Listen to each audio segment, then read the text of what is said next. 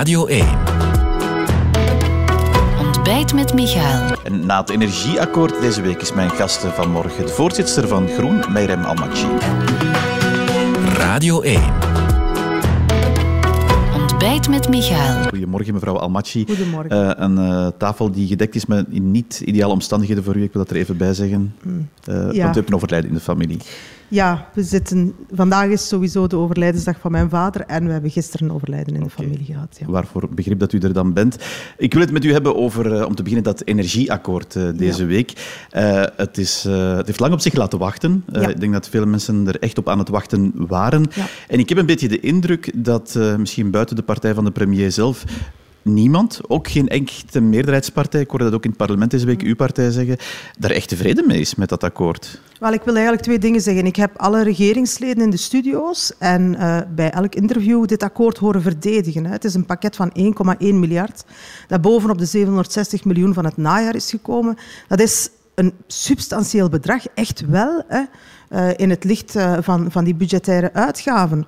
Maar natuurlijk, ehm, je hebt enerzijds het sociaal tarief waar wij voor gevochten hebben tijdens de onderhandelingen. Maar er is een groep die niet het sociaal tarief heeft, die nu ook in de problemen komt. En daarvan hebben wij wel gezegd van kijk, dit is een belangrijke stap vooruit. De 165 euro, maar ook de taxshift die erbij komt, die samen toch wel een substantieel verschil maken voor de facturen Ja. van mensen. Maar ja, het, mag, het mocht meer zijn Ja. en het Maar mag meer zijn en we gaan akkoord? verder werken. Maar ik denk dat, dat met zeven partijen in moeilijke omstandigheden, onder heel zware druk, met heel veel aandacht van extern, het belangrijk was dat er een akkoord was. Dat dit akkoord echt wel een substantieel bedrag betekent, ook voor die federale regering. Maar ja, het is ook in de situatie waarbij de internationale gasprijzen zo zijn ontploft en voor mensen een ongelooflijk bittere pil is om die voorschotfacturen te zien, nodig dat we verder gaan. Maar- dat hebben wij ook meteen gezegd. U- Ja, want u refereert aan die gasprijzen. Ja, daar is natuurlijk eh, aan die BTW niks veranderd. Hè. En dat is misschien wel de bittere pil voor velen, voor de hele middenklasse. Die BTW blijft op 21 procent. Kan u dat verdedigen? Wel, wij hebben het voorstel neergelegd, dat weet u, mevrouw Van der Straten. eh, en dus wij als Groen, eh, om de BTW te verlagen op elektriciteit en gas. Er is een compromis uit de bus gekomen dat naar een verwarmingspremie is gegaan. Dat is maar, Eh, dat is maar 100 euro, hè, met wel, respect. dat, wel, dat is inderdaad het aspect waar dat mensen van zeggen, dit, doet, dit is te weinig eh, voor ons.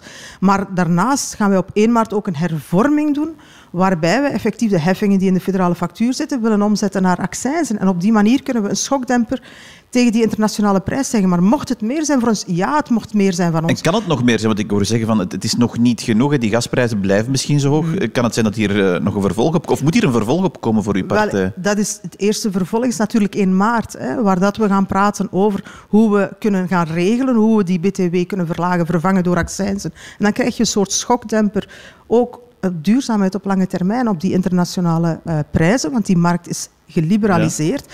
Dat gaat alle kanten op, dat gaat de komende jaren niet stoppen. Dus je moet op nu op korte termijn verlichten en op lange termijn zorgen dat we daar ja, eigenlijk een beetje ehm, een systeem krijgen dat, dat mensen voor dat soort verrassingen behoedt.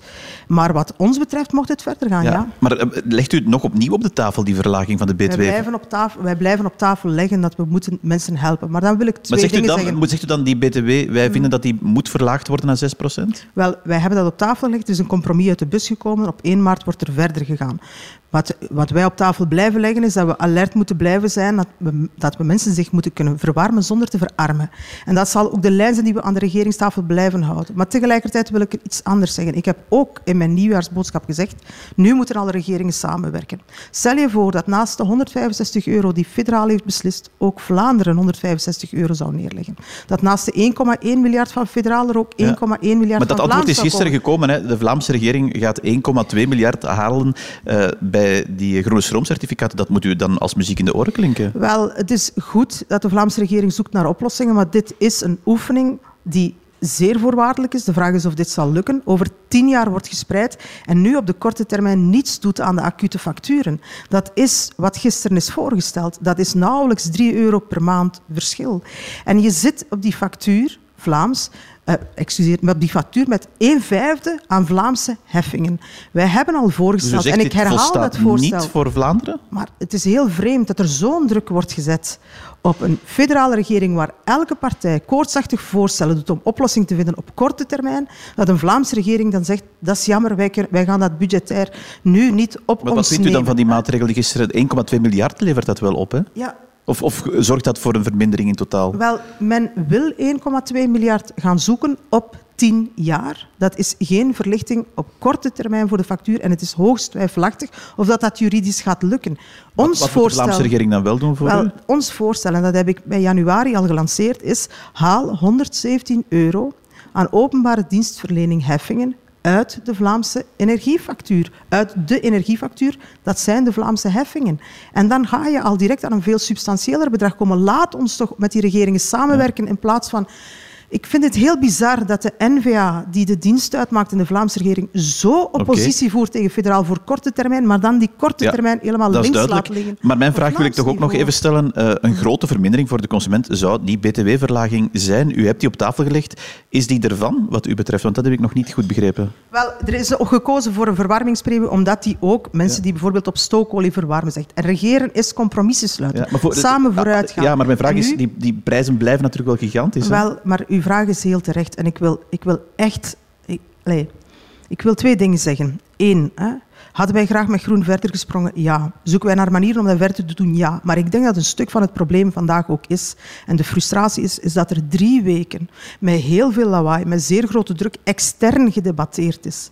En laat ons nu aan die regeringstafel de tijd die we hebben gebruiken om te zoeken naar welke manieren kunnen we dit nu doen, zonder Vivaldi onder druk te zetten, maar wel met substantiële oplossingen te komen. U zegt, dit heeft Vivaldi niet goed gedaan, dus die discussie? nee, ik zeg dat de druk die, en het debat dat zo openlijk en soms zo uh, met zoveel profileringsdrang is gebeurd, dat dat niet helpt om goede compromissen te sluiten. En dat is ook wat ik bij de nieuwjaarsboodschap heb gedaan. Wat dat betreft moet de politiek echt op een andere manier te werk gaan. ik wil er zo meteen op doorgaan, mevrouw Matje, maar ik wil u eerst toch nog iets vragen over die energiefactuur, want dat compromis was er dan eindelijk deze week. Blijkt mhm. gisteren dat het niet in maart ingaat, pas in april. Dat mhm. is natuurlijk voor consumenten alweer een, eh, mhm. ja, een dopper op de feestvreugde. Dat, is, dat wil ik rechtzetten. Hè. Dat, dat klopt feitelijk niet. Dus het gaat wel vanaf 1 maart in, maar je ziet het op 1 uh, april, de eindafrekening. Wat bedoelt u daar precies mee? Wel dat het eigenlijk administratief iets is dat je ziet in april, maar dat het wel degelijk op 1 maart ingaat. Oké, dus daarvan van akte. En dan over inderdaad dat compromis. Uh, het, het, is er nu, er zijn er weinig tevreden mee. Er moeten de komende weken, voor midden maart, nog heel veel dingen worden afgeklopt, grote dossiers kernuitstap, om daarmee te beginnen. Uh, ook fiscaliteit, pensioenen. Er liggen heel veel thema's op uh, de tafel van een uh, ja, regering waar, we hebben dat gezien, zeer, zeer grote ideologische verschillen vaak zijn. Dreigt niet elk akkoord dat nu gaat gesloten worden te zijn wat we nu zien, namelijk een, een sausje waar wel van alles in zit, maar dat niemand graag drinkt? Wel, we zitten op dit moment in een samenleving die twee jaar gebukt gaat onder corona waar uh, heel veel mensen het moeilijk hebben om een factuur te betalen, waar hele grote uitdagingen liggen en al lagen al van voor Vivaldi. Vivaldi moet boven zichzelf uitstijgen. Elke politieke partij moet uit zich, boven zichzelf uitstijgen om oplossingen te zoeken, niet om oppositie te voeren tegen elkaar. En dus ik kan alleen maar mijn oproep van begin dit jaar herhalen dat de politiek zich op wat dat betreft moet heruitvinden. En spektakel is misschien leuk, maar daar koop je geen oplossingen mee. Politiek, maar u zegt eigenlijk de federale regering, want daar gaat het nee, over. Nee, en ik zal dat verduidelijken wat ik daarmee bedoel. U mag veel kritiek hebben op Vivaldi. U mag de vragen stellen over het energieakkoord, zoals u wil. Maar de oplossingen en de compromissen liggen er wel. En het frustreert me soms wel dat terwijl Vivaldi beslissingen neemt, bijvoorbeeld rond de begroting, bijvoorbeeld rond de taxshift, die samen met het compromis rond energie een, een verschil maken van 1000 euro voor mensen. Hè. De totaliteit van al die maatregelen, ook de bescherming van de index voor wie loontrekkend is, et cetera. Er wordt vooruitgang geboekt, er worden beslissingen genomen. Kan dat fraaier? Dat is mijn oproep van daarnet. Maar dat is wel iets anders dan de volledige stilstand aan de Vlaamse kant, waar het stikstofdossier, de betonstop, als je gaat kijken nu ook, de verlichting van de energiefactuur op korte termijn niets. Daar liggen echt een hele hoop dossiers waar gewoon geen beslissing over wordt genomen. En ik denk dat het nu aan politiek is om wel knopen door te hakken en effectief compromissen te maken waarbij elke partij boven zichzelf Ja, maar staat me toe toch vooral aan die federale regering te kijken, omdat uw partij daar natuurlijk wel uh, mee aan de tafel zit, waar kernuitstappen. Laten we het daar dan over hebben. Mhm. Het komt eraan, het het is, uh, tegen midden maart moet het beslist worden. En het kan, neem ik aan, nog eens uitstel kan, denk ik niet. Hè? Wel, wij hebben eh, heel duidelijk uh, de reden waarom Maart, Maart, er ligt. Dus er is een principesbeslissing genomen in december. Dat is belangrijk. Waarbij gezegd is, bon, er is een hobbel op de weg. De gascentrale van Vilvoorde krijgt geen vergunning. Heel bizar, want andere projecten die meer stikstof uitstoten, krijgen wel vergunning van Vlaanderen. Maar goed, de bevoegdheidsverdeling is wat ze is. Dus dan gaan we zeggen aan Engie, je hebt nog een aantal maanden tijd om te zien of dat in orde komt. En we vragen aan Elia om te kijken, als dat niet lukt, welke is de volgende in de veiling? Dat is wat er nu ja. ligt. En op 18 maart zal daar duidelijkheid over zijn. De situatie zoals die vandaag is, die mm. verschrikkelijk hoge prijzen, de geopolitieke spanningen, de bevoorradingsonzekerheid, mm. zijn dat elementen die niet maken dat dat toch misschien moet herbekeken worden? Mm -hmm. Wel, daar, daar uh, wil ik uh, twee dingen op zeggen. Eén, de huidige internationale context, de energieprijzen, etc., zijn er in landen met grote nucleaire capaciteit, met weinig nucleaire capaciteit. Onze kerncentrales zijn ook nog niet gesloten. En ik begrijp dat het soms heel gemakkelijk is voor de tegenstanders van de beslissingen van Vivaldi om dat allemaal op een hoop te gooien, maar dus de huidige context heeft niets te maken het is wat met de gewone mensen ook zich afvraagt bij die factuur. Ja, de vraag is, gaat die factuur stijgen? En daar hebben wij uh, Elia, die al die berekeningen doet en die in het parlement is komen vertellen van kijk, we zitten op schema. De bevoorradingszekerheid is gegarandeerd. Daar hebben we de energienorm beslist om net die prijzen onder controle te houden voor bedrijven en burgers. En dus om al die vragen op te vangen. En daar heeft de federale regering met Tine van der Straten op kop heel hard aan gewerkt. Dus die aspecten zijn onder controle. Ja, een nieuw element in heel die discussie, of een, een recent element, zijn die moderne uh, kerncentrales. Mm -hmm. Ze moeten nog ontwikkeld worden, ze moeten bestudeerd de worden. SMR's. Ja, dat zijn ze dat is de, de, de naam ervan. Um, is dat een optie voor u dat in het akkoord dat dan zal gesloten worden, mm. dat die piste opengelaten wordt om dat te onderzoeken, dat dat wel zou kunnen, die technologie? Wel, het is, uh, het is in de piste van, uh, in de beslissing van december is besloten dat we onderzoek gaan doen naar alle vormen van technologie die afvalvrij zijn, die veilig zijn. En daar, uh, daar, dus die nieuwe generatie kerncentrales kan voor u? Wel, dat onderzoek daarnaar, de mogelijkheid, het onderzoek daarnaar is beslist in december. Ja. En dus dat is, dat is het gekke. Wij zijn met Groen, Tine van der Straten zit op dit moment, as we speak, in Oman, hè, om alle innovaties rond waterstof, die dus ons gaan helpen om ja. de omslag naar hernieuwbare energie te maken.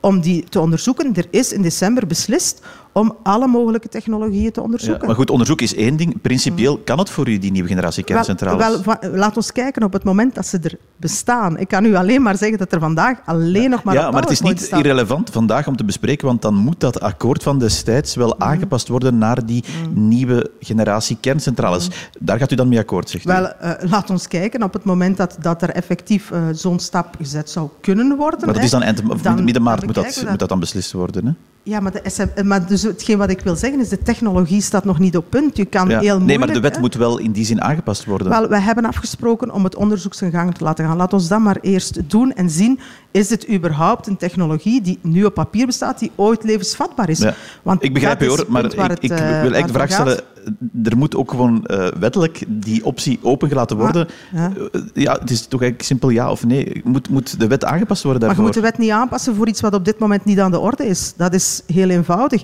En wat wij hebben gedaan is zeggen, onderzoek, hè, dat kan. Laat, eender hoe, hè, laat ons alle onderzoek naar alles wat ons kan helpen uh, doen.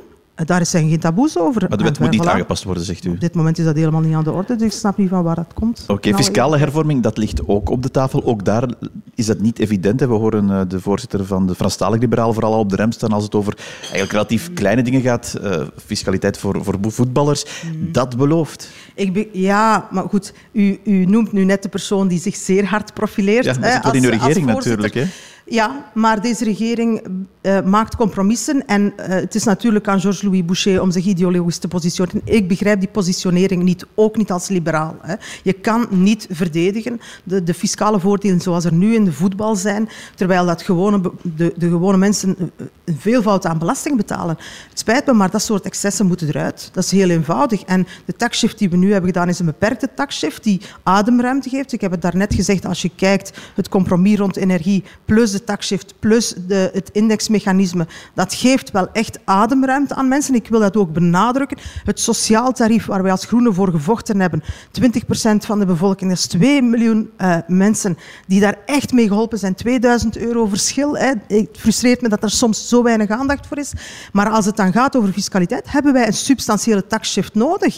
En dat zal eentje zijn die twaalf keer zo groot is als degene die we nu hebben gedaan. De minister van Financiën, Vincent is. van Petegem, werkt aan die hervorming. hè. Wat, wat, wat moeten de krijtlijnen daarbij zijn voor u? Wel, wat de krijtlijnen moeten zijn, een verschuiving hè, eh, en, eh, en zorgen dat we ehm, ja, op, de, on- de onrechtvaardigheden die er nu zijn, de ongelijkheden, dat we die wegwerken. Hè. En dus dat we een verschuiving krijgen naar vervuiling, dat we een verschuiving krijgen naar grote vermogens eh, en dat we zorgen dat het voor een gemiddeld gezin en voor de gewone burger de, de, de facturen en de, de belastingen op arbeid. verlicht worden. Ja, ik denk dat eh, werken moet lonen. Dat is altijd ons standpunt geweest. En die fiscale hervorming, daar wordt al ja, decennia over gepraat. Ik, eh, ik denk dat eh, nu die krijtlijnen duidelijk moeten zijn voor de komende tijd en dat het echt substantieel moet zijn.